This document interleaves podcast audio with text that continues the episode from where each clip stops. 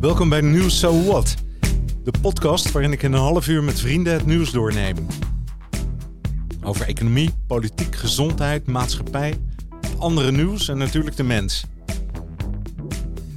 Met creativiteit, verwondering en een lach vorm je eigen mening en vrijheid. En dat mag. So what? Ja, want so what is het op 17 mei? Omstreden mondkapjesdeal, Monsanto en Israël en de Palestijnen en de betogingen. En dat laatste onderwerp, dat gaat jou aan het hart, Michel. Dat kan niet anders. De Israël en de Palestijnen bedoel je? Ja, precies. Want ik krijg Ja, twee berichten van jou. Ja, ik denk eh, die mogen we niet missen na deze bizarre week, toch? Dus ik denk, ik was ook gewoon eigenlijk wel benieuwd eh, hoe jij er nou tegenaan kijkt, naar die hele situatie. Want zolang als wij leven, rommelt het daar al, hè? Dus, Ja, dat, eh, maar wat afgelopen week is het na al die jaren toch wel weer eh, helemaal uit de hand aan het lopen. Dus eh, hoe, hoe gaan we dat nou oplossen vanavond, Erik?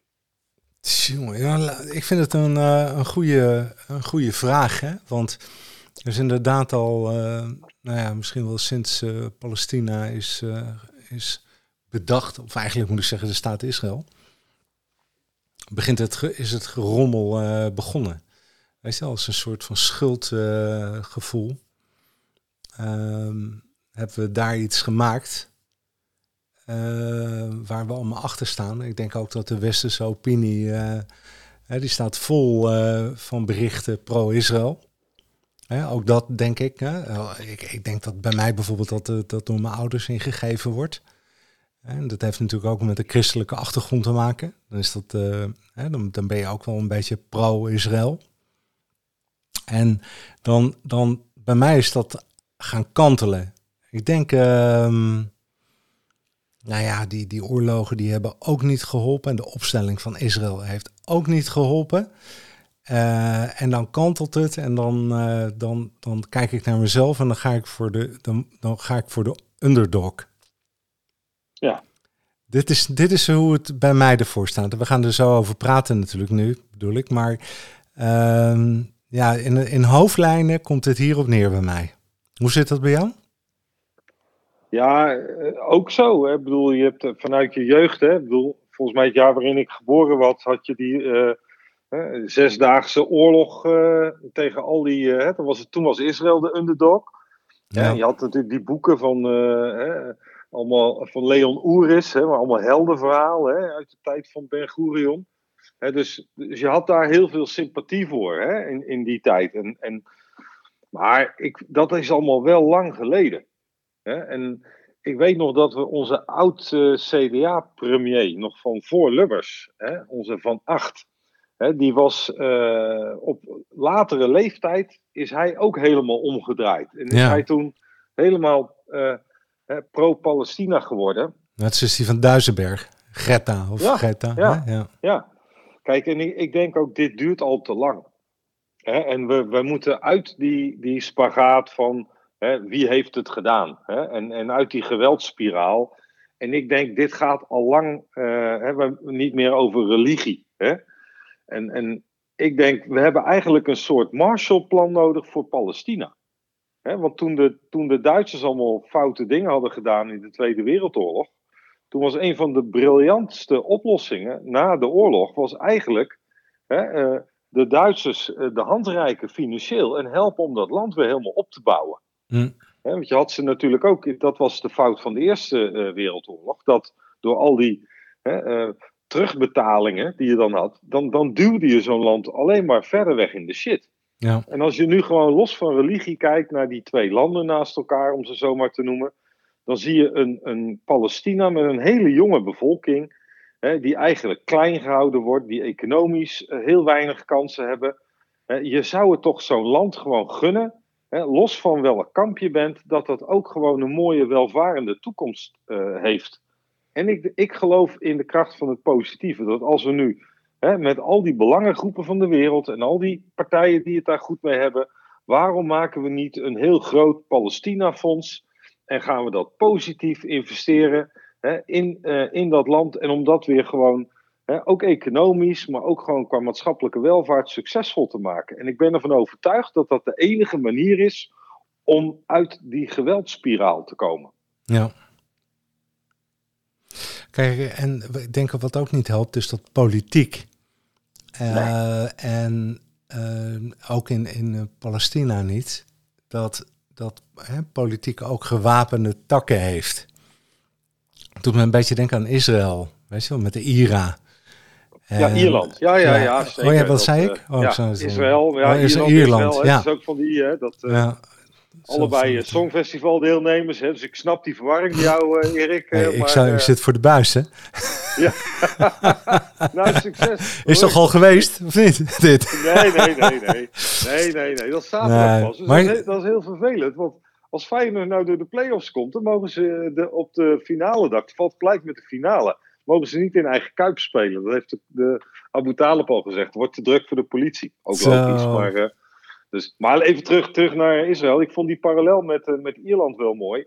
Je hebt nu een, uh, twee mooie series op, op Netflix staan. Rebellion, hè, die ook over de paasopstand gaan. En uit die tijd dat Ierland onderdrukt werd hè, door de Engelsen. En, en dan zie je toch dat er ook een beweging komt. Dat is heel hardnekkig. Hè. Je kan ze nog zo klein houden nog zo weinig wapens geven, dat zit in de harten van die mensen. En dat, dat vuur dooft nooit. En dat is natuurlijk bij die Palestijnen ook zo. Dat vuur dooft nooit. het zijn verzetsbewegingen eigenlijk. Hè? Het is politiek, in de politiek getrokken, maar uh, ik denk ook dat ze niet zozeer tegen de religie zijn of tegen de Joden, maar ze, ze voelen zich gewoon gekleineerd uit hun huizen gezet en uh, nou ja, hè, op grote achterstand.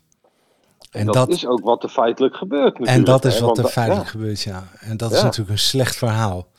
En, ik, en ik, ik kan dat ook begrijpen, maar het heeft alleen weinig. Uh, dit gaat geen oplossing brengen. En wat ik ook een slecht verhaal vind, hè, nou ja, vroeger althans, hè, zag je dat. Uh, een heleboel landen meteen achter Israël gingen staan. Hè? Als ik even op Songfestival. Wij krijgen altijd 12 points van Israël, of niet? Ja, nou, ja. Eh, als Amerika mee had gedaan, hadden ze 14 punten gekregen. Ik zweer je. Oh, maar Erik, nou snap ik de tweet van Rutte opeens. Ik denk, waarom eh, gaat hij nou zo'n lomp tweetje doen? Maar dat was natuurlijk... Welke? Uh, voor het Songfestival. Dus, uh, Wat had hij gezegd dan? Ja? Hij was er eind vorige week als, als eerste bij de kippen bij om een hele eenzijdige tweet te sturen. waarin hij alleen de raketaanvallen van de Palestijnen veroordeelde. Hè? En dat vind ik ook geen goede reactie natuurlijk. Je moet niet kwaad met kwaad bestrijden. Maar dat je alleen dat benoemt. Alles wat daarvoor gebeurt, hè, de dieperliggende oorzaken, dat onteigenen eigenlijk hè, al heel lang van al die arme Palestijnen in dat Jeruzalem. Zorgen dat je een soort landjepik speelt. Maar dan ook dat, dat hele overdreven agressieve geweld om dan zo'n heilige moskee in te vallen met zo'n heel bewapend leger. Ja, ja dat, daar, dan kan je toch zelf ook wel bedenken dat dat het uitdagen is hè, van, van zo'n land. Dat, dat is toch ook niet. Wie, had dat, wie heeft dat bedacht, joh, dat je dat gaat doen? Ja. Hè? Maar wat ik ook net zei over Amerika, dat, die, dat begint ook te kantelen als ik het goed begrijp. Hè? Die zijn ook niet meer zo. Die krijgen hè, die twaalf punten van Israël, of voor Israël, die, die komen niet meer vanuit Amerika. Hè? Dat, is, dat is ook bijzonder, hè? die rol wat die Biden speelt. Ja, dat, dat, je ziet op dat geopolitieke speelveld allemaal dingen veranderen. Dus, ja. Uh, hè, en, uh, overigens, ik, maar ik, ben er, ik heb hem nog niet uit, dus daar kom ik een volgende podcast nog op terug. Maar ik ben begonnen in dat uh, laatste boek van Rob de Wijk. Hè, eh, wat gaat over de invloed van eh, China en Rusland in hè, de slag om Europa, heet dat ook. Ja. En, en ook over de rol van Amerika. En je ziet dat soort grote geopolitieke bewegingen. Hè, dat het, eigenlijk is dat van alle tijden, hè, vanuit de oude diplomacy nog. Ja. En dat heeft natuurlijk ook altijd bij Israël een grote rol gespeeld. Hè? Een, een belangrijke foothold hebben. Hè? Dicht bij de olie. Hè? Uh, er waren altijd heel veel dubbele belangen bij. Het ging nooit alleen maar over de holocaust of over zo'n volk een plek geven. Hè, dat, zo simpel is de wereld nooit in de praktijk natuurlijk. En ook nu interessant, niet. Interessant boek. Ja, zeker interessant. Zeker interessant. Dat, uh... en hoe kijk je dan aan bijvoorbeeld tegen uh, Israël als het wil? Wij zeggen altijd, dan is dat die hele Gazastrook is in een uur ontruimd. Denk je niet? En dan zie je, dan, dan zie je wat van die, van die vuurpijlen richting Israël gaan. En vervolgens uh, van die straaljagers uh, naar de Gazastrook. Ja, en dan denk ik weer, jongens, dit is toch ook... Hè, uh, dus het, het, is unfair. En ik, maar ik snap ook niet waarom dat conflict door de Palestijnen zo opgezocht worden. Of zou dit geanceneerd zijn? Zou nou, ook nog kunnen. Je, je, denkt bijna, kijk, wat, wat Israël in zo'n moskee natuurlijk doet, dat is eigenlijk hè, eh, uitlokking. Hè? En, en als je kijkt naar de analyse, hè, want, want die Palestijnse staat, hè, die bestaat natuurlijk nu al een tijdje. Maar je ziet dat de huidige politieke uh, influencers, die worden best oud. Hè, die, die, die hoofdman is ook al 86. Hè? Ik bedoel, dan is Biden nog een uh, guppie. Hè? Dus, en wat er dan blijkt in de samenstelling van die bevolking, hè, dat je een enorme aanwas hebt aan, aan de onderkant. Hè, dus wat je in veel uh, islamitische staten overigens ziet, hè, dat een heel groot deel van de bevolking tussen de 20 en de 30 jaar is. Relatief weinig kansen heeft in het leven. Hè, weinig kansen op een, een gelukkig gezinsleven met een hè, welvarende toekomst.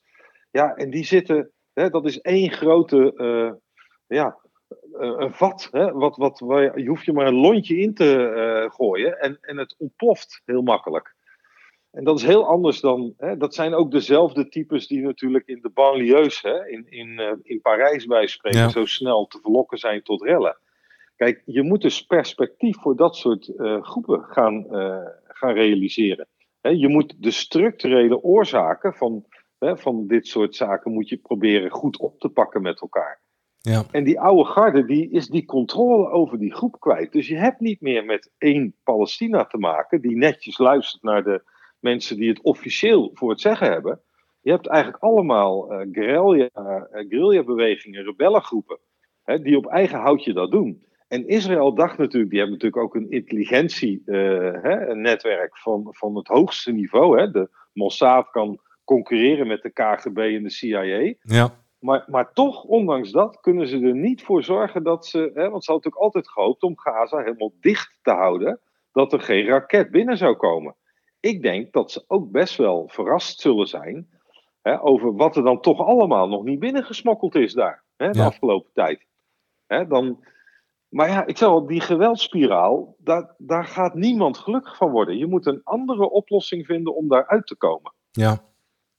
Dat, en, en het is natuurlijk vaker zo, de manier waarop Israël zich hè, opstelt, en het, je mag het nooit noemen, hè, want het, daar ligt te gevoelig, maar het verschil tussen hoe de nazi's de Joden uh, uh, behandelden en hoe de Israëli's de Palestijnen behandelen, dat, dat verschil wordt steeds kleiner.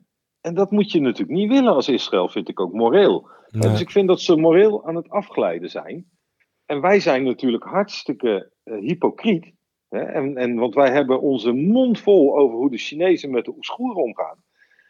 Uh, en dat is, vind ik ook helemaal fout. Hè? Ja. Maar uh, wij vinden het veel lastiger om op dezelfde vrije manier kritisch te zijn tegenover Israël. Want ja. daarin praten wij met twee monden. Ja. Dus, dat, dat, dus ik zeg maar, het is maar net in welk kamp je zit, welk verhaal je wil horen. Ja. ja. Maar ik vind wel, um, zeg maar, de oplossing die, die, die, die ik voorbij zie komen, althans als ik politiek gezien in Nederland even kijk, dan vind ik dat standpunt van D66, nou ja, dat kan natuurlijk niet anders dan met Kaag, maar om toch naar een twee partijen of een twee landen systeem wat goed uit elkaar zit en uh, uh, waar een soort van democratie kan komen. Maar dat kan in Israël ook niet, hè? Democratie, daar geloof ik ook niks van.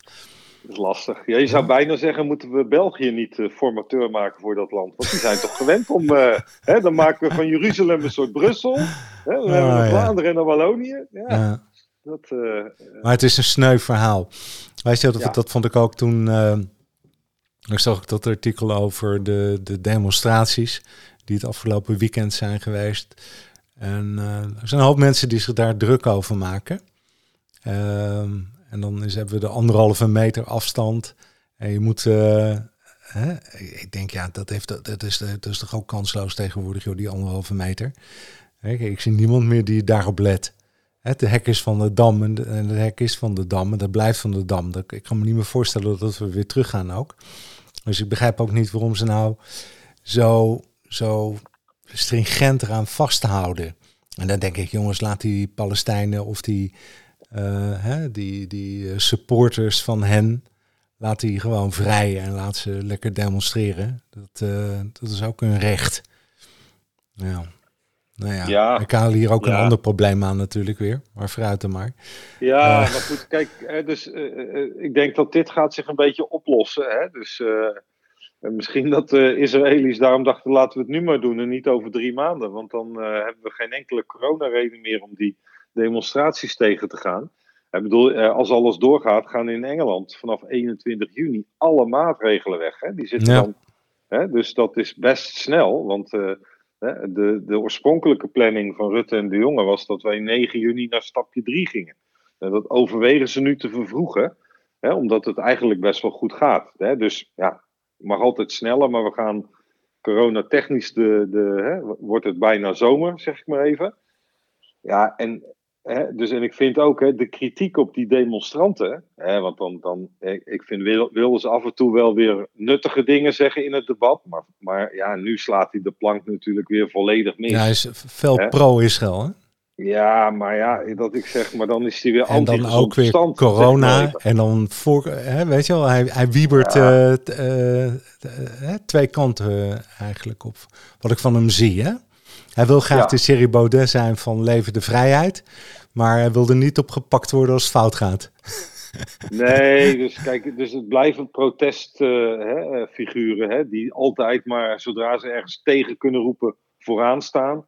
Hè, maar als er nou ergens, hè, uh, kijk, wij zijn van denk eens aan een constructieve oplossing. Ja. Hè, vandaar terug, ik vind een aantal belangrijke landen zouden eens de handen ineen moeten slaan, maar die moeten eens op een positieve manier naast Palestina gaan staan met heel veel geld en heel veel hulp, zonder dat het een militair-achtige aanpak is. Ja. maar gewoon, want je leest ook dat er best wel wat Palestijnen gewoon in Israël wonen inmiddels. Hè. Die landen zijn niet zo. Hè. En we weten dat het al heel lang zo is. Hè, dat je vanuit Palestina de meest, heel veel mensen werken in Israël.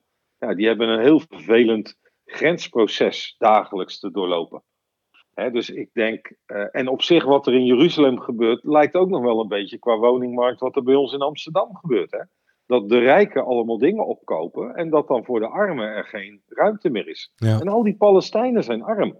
Dus uh, je moet structureel werken aan de welvaart van zo'n volk. Hè? En dat, dat daar uh, betere opleidingen komen, betere economische kansen. Ga, Israël heeft een hele succesvolle economische ontwikkeling natuurlijk ook doorgemaakt. Er zitten een aantal hele succesvolle internationale bedrijven ook. Ja. Nou, het zou toch mooi zijn, hè, stel dat we een soort Palestijnse Silicon Valley zou komen. Hè, met heel veel potentie, innovatie en ook met die hele Arabische wereld als achterban. Stel dat je zoiets positiefs kan creëren.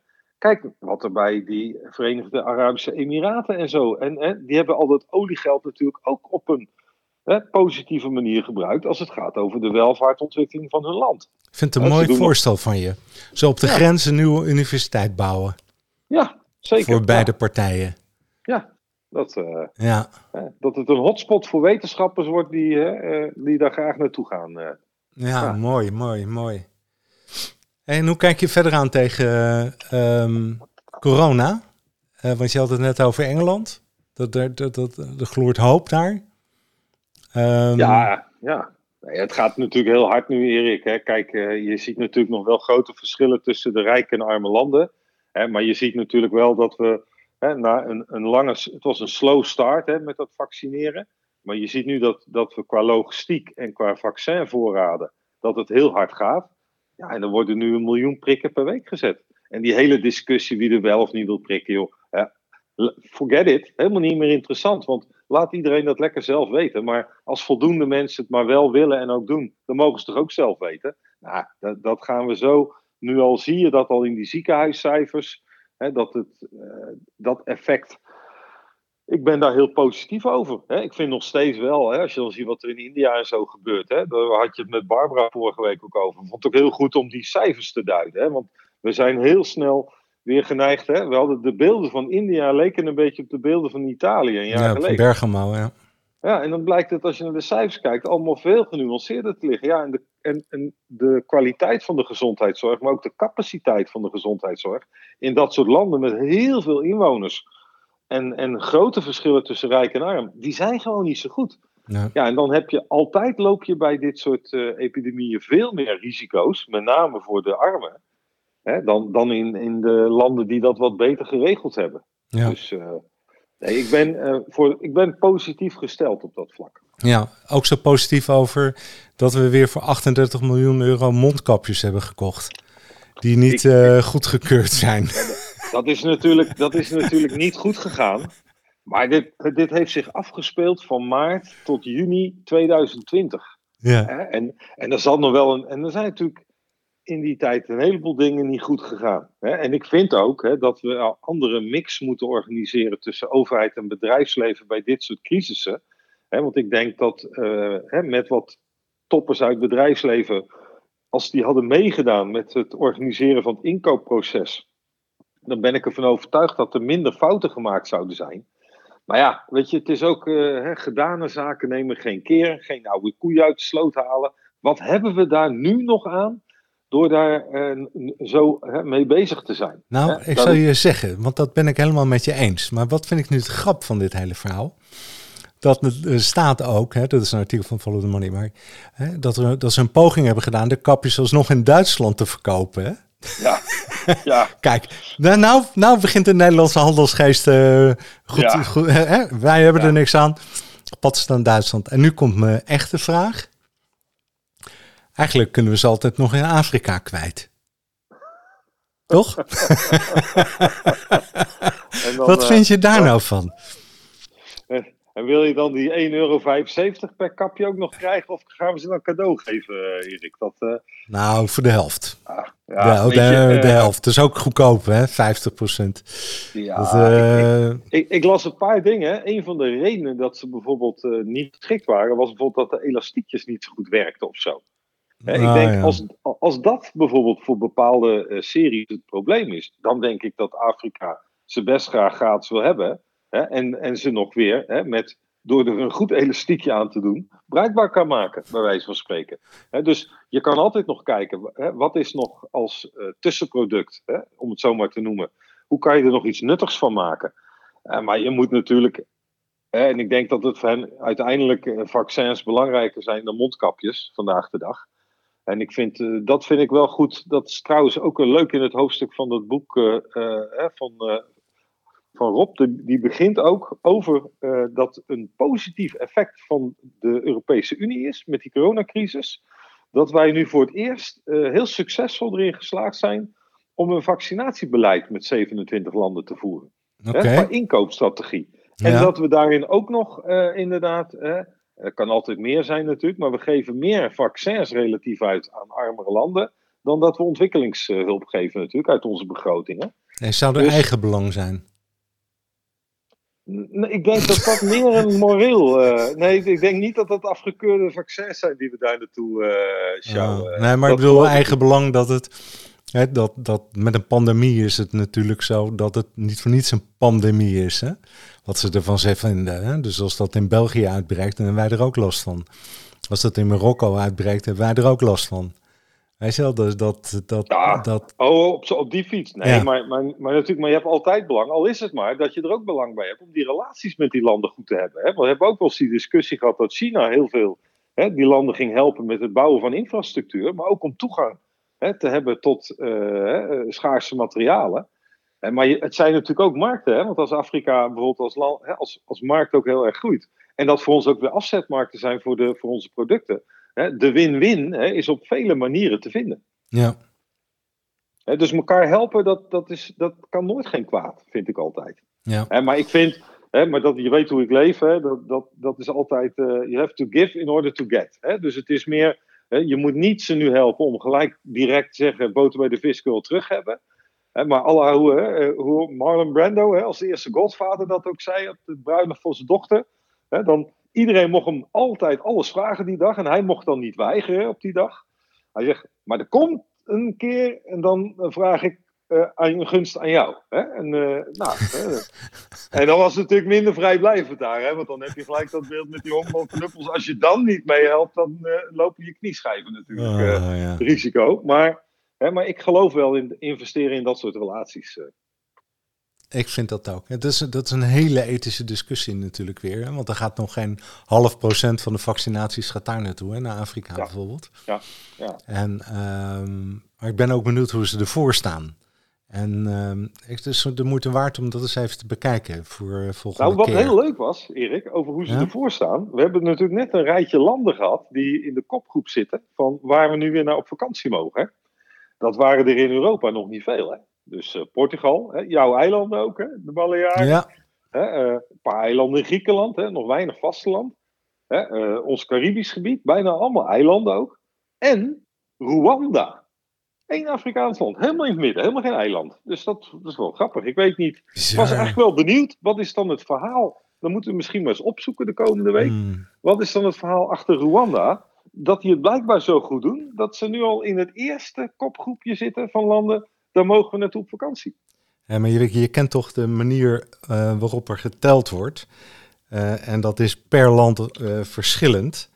Maar als jij doodgaat en je bent positief getest vooraf, dan ben je een coronadode. En ben je niet positief getest en ga je dood, dan ga je gewoon dood. Aan hartfalen of uh, weet ik veel wat. Dit is, dit is echt zo, hè? Dat is geen grap. Ja.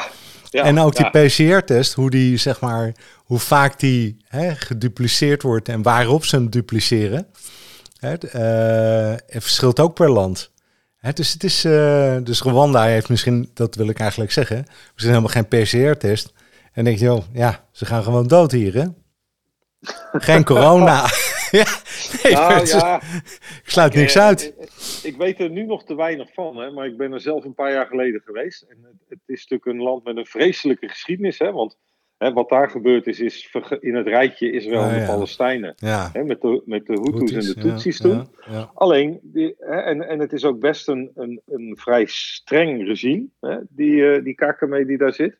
Maar hè, als je kijkt hoe zij het economisch doen, hè, dan is dat land met een enorme positieve ontwikkeling bezig. Hè. Ja. Dus, dat, dat, dus die maken hele mooie stappen naar, uh, vooruit. Ja, dus ik, ik, ik zou het maar meer, uh, ben ik geïnteresseerd om te kijken, wat zijn nou de goede dingen uit het Rwanda-verhaal, waar we van kunnen leren hoe we dat ook kunnen hè, kopiëren naar andere landen die daar een voordeel mee kunnen doen. Hm. Ik gun ze allemaal een stapje vooruit. Ik ook, 100 procent. Kom ik bij het laatste onderwerp uh, van Bayer. Ja. Die heeft een tijd geleden, een paar jaar geleden, heeft hij Monsanto uh, overgenomen. Monsanto die heeft een uh, bestrijdingsmiddel op de markt, Roundup. En dat is al uh, tientallen jaren in gebruik. En dat middel is kankerverwekkend. Zegt men, hè, claimt men. En ja. het resultaat is, na die overname, dat was een niet geringe overname, hè, in de miljarden hebben ze nu schikkingen proberen te treffen voor 11 miljard dollar. Bayer.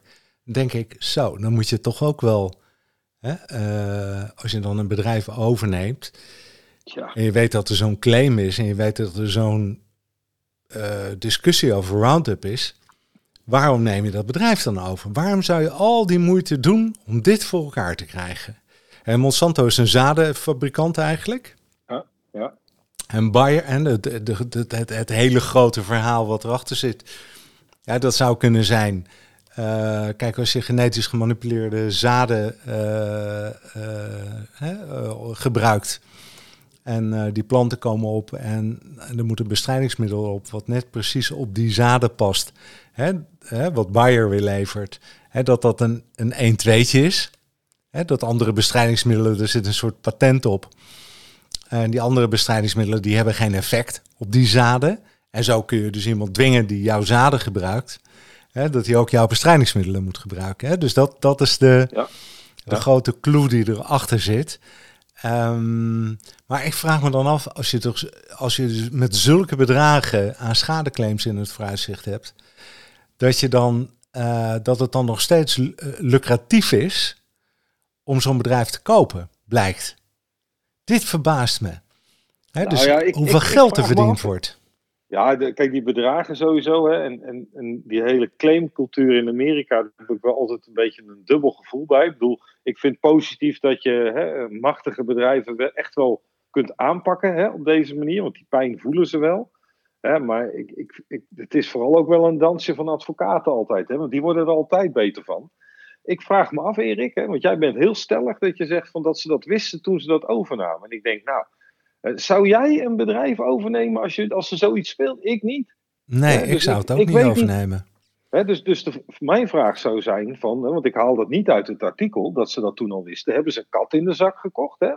Heb je het overgenomen en dat het daarna blijkt? Hè? Of heb je het onderschat hè, met je mensen inderdaad? Dat, uh, ja, het is natuurlijk niet fijn. Hè? En het is natuurlijk, en daar staan er ook details in, hè, dat er natuurlijk Amerika blijft ook juridisch een raar land. Hè, want dan, dan hebben ze eerst weer in Californië een zaak gehad. En dan is de wetgeving in Californië, hè, waarop je dan een schikking of hè, een claim kan doen. En dan zegt ergens anders weer een regeltje dat hè, de federale wetgeving uh, hè, hiervoor is bedoeld. En niet de wetgeving per staat. dus het is, ik zal, daar hebben heel veel advocaten heel veel uurtjes op geschreven. Kijk, ik vind je, dat bedrijven een beetje hè, in een keurslijf gedwongen worden om ethisch moreel te opereren. Dat vind ik heel goed. En de, deze hebben wel het, de spijn tegen bij mij, laat ik zo zeggen. Hè. Nou. Het gaat vooral over heel veel geld verdienen. Hè, en hoe we handige lock-ins kunnen doen. En allemaal op het randje van. Nou. nou, dan gaan ze er misschien wel dood van. Maar als ze het niet kunnen bewijzen, doen we het lekker toch. Nou, nou Michel, dat ben ik nou helemaal met je eens. Hè?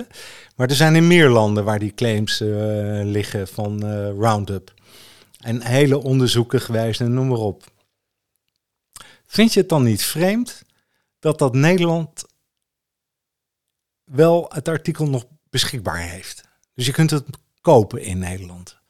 Vind je dat niet een raar verhaal?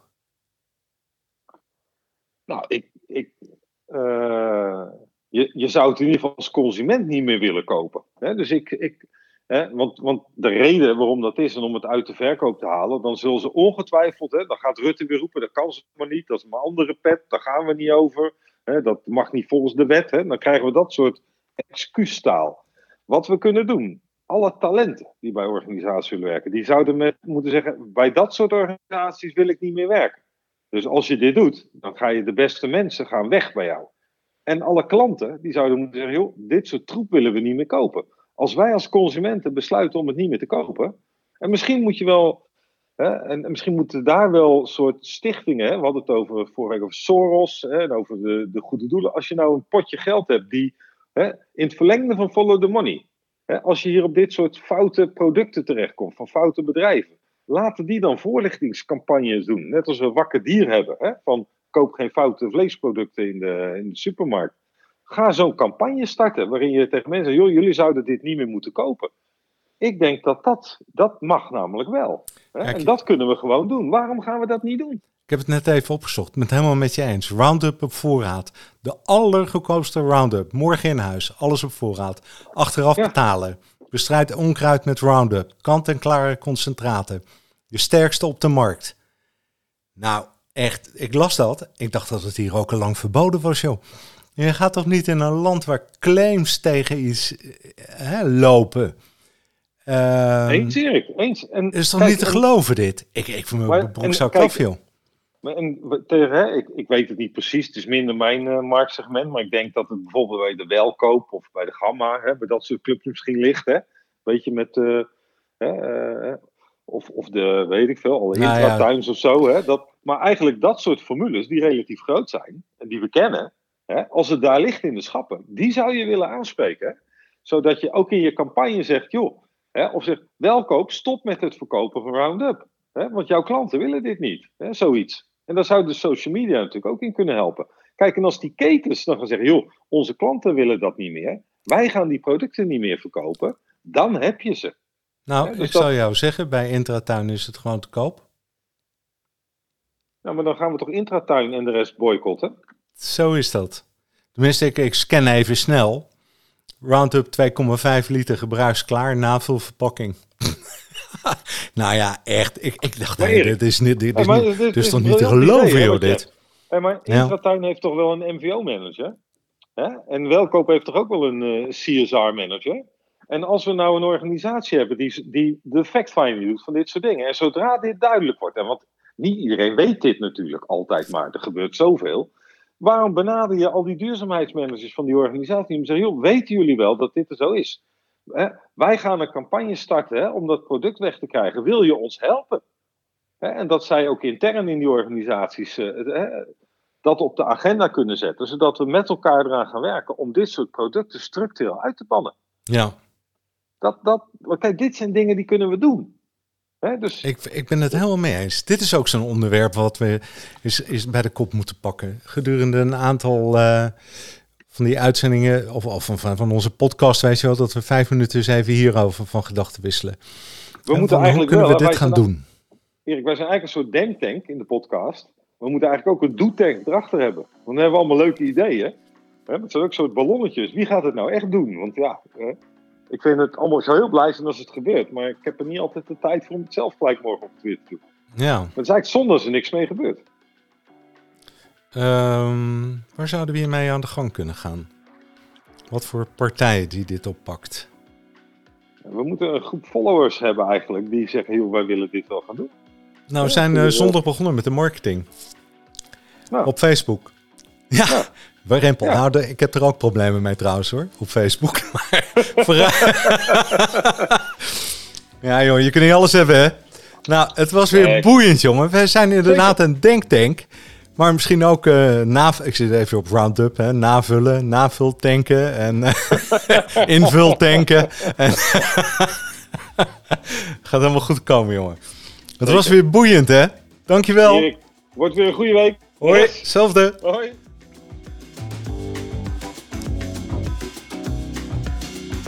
Ja, een denktank, invultank.